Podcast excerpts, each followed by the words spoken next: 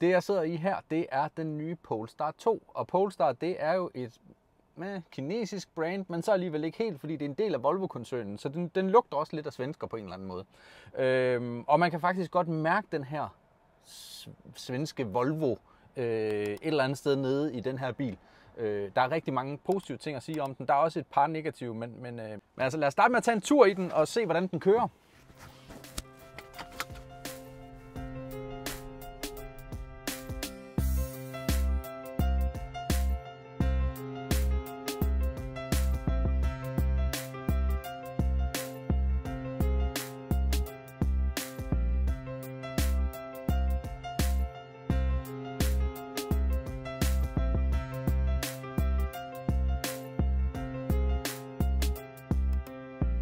Først og fremmest, vi kan lige så godt tage det sådan helt basale først. Som bil, køreegenskaber. Altså der har den jo de ting, som vi efterhånden er blevet fuldstændig vant til at have i en, øh, i en elbil.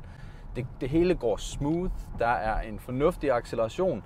Det er jo ikke en, øh, det er ikke en Tesla. Der er ikke lige så meget knald på, som der er i en Tesla. Når man øh, holder ved et kryds, så skal man træde en lille smule hårdere på den, før der sker noget i forhold til, øh, i forhold til sådan en af de der øh, de helt hurtige performance fra Tesla. Øh, jeg vil faktisk endda sige, selvom vi går ned til Standard Range Plus, så, så er den her, den, den virker lidt mindre, den er lidt mindre chip.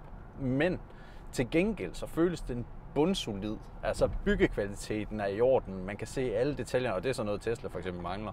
Men alle detaljerne er i orden, du ved. Det er pænt her. Det er sat, øh, det, det, hele, det hele er, der er sans for detaljen, materialevalget er fornuftigt. Sådan generelt set, så er det her faktisk, øh, så, og det er det, jeg mener med, det er Volvo. Altså det kan man godt mærke. Der er, der er lagt lidt i, øh, i, i kvaliteten af den her bil. Interiøret er relativt pænt faktisk, og det er jo sådan noget, jeg efterhånden har fået en lille kæphest med, men det er også igen det der med, der har Tesla også bare lidt flyttet nogle grænser, fordi de kommer den der, der bare har en skærm, og så er der ikke nogen knapper. Her er der jo knapper, men ikke en milliard knapper. Så det er ikke sådan, at man sidder og bliver irriteret over det. Det meste foregår faktisk stadigvæk på skærmen. Polestar her, det er faktisk for, den første bil, Polestar 2, som har Android Automotive øh, bygget ind. Og det vil sige, det er ikke... Jeg ruller lige op her, det bliver noget værd larm ellers. Øh, det her, det er ikke øh, hvad hedder det, bare den almindelige Android, øh, som, som man ser i, øh, i rigtig mange biler, som man så tænder, når man sætter sin telefon til. Og så har man et interface, ligesom Apple CarPlay. Det her, det er, altså, det er simpelthen øh, Google bygget ind i bilen det fungerer langt hen ad vejen ret godt. Altså softwaren er hurtig, og i forhold til, at det er jo den første, så er den også den er relativt pæn. Og det er jo egentlig øh, i sig selv lidt en nyskabelse, fordi jeg kan godt komme på nogle andre, hvor at softwaren uh, halter en lille smule. Når vi så generelt så øh, øh, du ved, betjener bilen, øh, det hele går øh, rimelig tjept softwaremæssigt, og jeg synes, at øh, den her skærm, der sidder her foran, den har man et vanvittigt godt overblik på. Den er stor, den er øh, fyldesgørende, man har de ting, man skal bruge. Øh, grafikken er sådan dejlig stille, afdæmpet, men fungerer øh, rigtig godt til at kommunikere de ting, den skal kunne. Dens autopilotfunktion, eller hvad man nu skal kalde det, øh, hvad hedder det, lane assist, øh, er, er okay, uden at være det bedste i klassen, men det er okay, det er nogenlunde stabilt. Øh, men men det, altså, det er jo ikke... Øh, lad os sige det på den måde. Der er et godt stykke op til selvkørende. Så har vi vist ikke sagt for meget.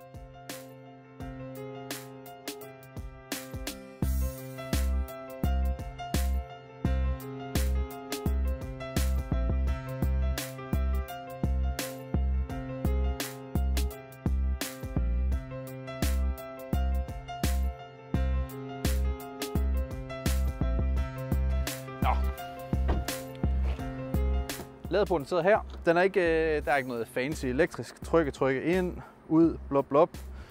Og det er selvfølgelig en helt standard øh, kombostik, så det tager vi herover. Svung. Og det er heldigvis en af de nye cleverladere, den her. Så den har nogle tricks i armen. Wow. Så skal vi trække den lige ud her. Dum, dum, dum, dum. Så. Sådan. Og ind.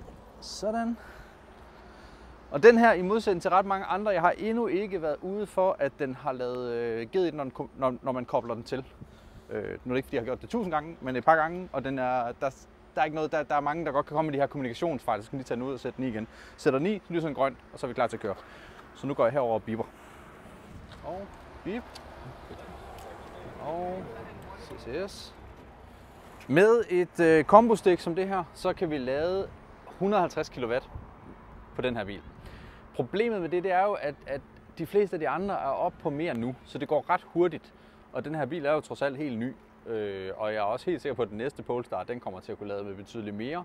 Men 150 er der, hvor du ved, smertegrænsen går lidt deromkring. Så 150 er okay, men jeg havde gerne set 250. Altså det samme som Tesla. Den her bil skal konkurrere med Teslas Model, Model øh, 3. Det er der ingen tvivl om. Det er det, den skal. Den ligger i samme prisklasse, den kan det samme. Det er men 250 kW på Teslaen, 150 på den her. Det man så kan sige, det er, den her har en tendens til at holde en lidt højere kadence. Altså den har en lidt bedre ladekurve, men faktisk heller ikke ret meget. Så, øh, så hvis det var det, der stod mellem, så ville jeg stadig vælge Teslaen. Nå, når det så er, at du har fyldt batteriet helt op, hvor langt kan du så køre? Øh, vi har været en tur i Jylland og tilbage igen, eller næsten Jylland og tilbage igen. Og vi ligger på omkring 350 km på en opladning på motorvej i godt vejr. Øh, om vinteren, så, altså, så, så er jeg lidt bekymret for, at vi når ret langt ned i mængden af kilometer, du kan køre, før du skal ind og lade. Øh, men altså, jeg, jeg, jeg gætter stadig på omkring en øh, 250-300 km på motorvej i koldt vejr. Så det er okay. Øh, og til hverdag i gennemsnitligt, der, altså umiddelbart så ligger vi på omkring 400 km. Og det er lidt ligesom alle de andre. Altså VLTP'en ligger på omkring 500, men, men i real life, der er det omkring 400 km. Sådan er det jo. Øh, det er alt sammen sådan set udmærket godkendt øh, på den her bil. Nå, plads. Det her er jo sådan en slags crossover mini SUV. Jeg ved ikke rigtig helt, hvad de der de flyder sammen for mig efterhånden, alle de der begreber. Men den, ligger jo, den er jo noget højere for eksempel end, øh, end Teslaen, som jo er helt indsat. Så, så det er måske i virkeligheden mere Model Y, vi snakker om i, øh, i plads. Men når vi så åbner, så så vil jeg sige, at det her er øh, et stykke fra Teslaen øh, Model Y, trods alt. Øh, og det er også et stykke fra sådan noget som hvad skal vi sige, Q4 Audi'en, som den nok også skal ligge konkurrence med.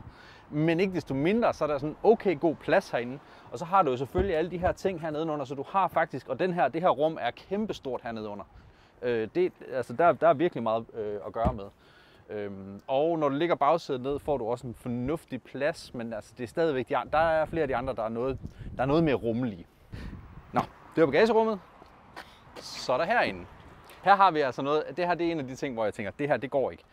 Det, eller, ja, det ved jeg ikke. Det er fandme mærkeligt. Det er det altså bare. Okay, altså, hvis jeg ser sådan lofthøjde og sådan noget, så er der egentlig okay plads. Den skråner pænt meget her, så når jeg sidder her, så har jeg det her problem.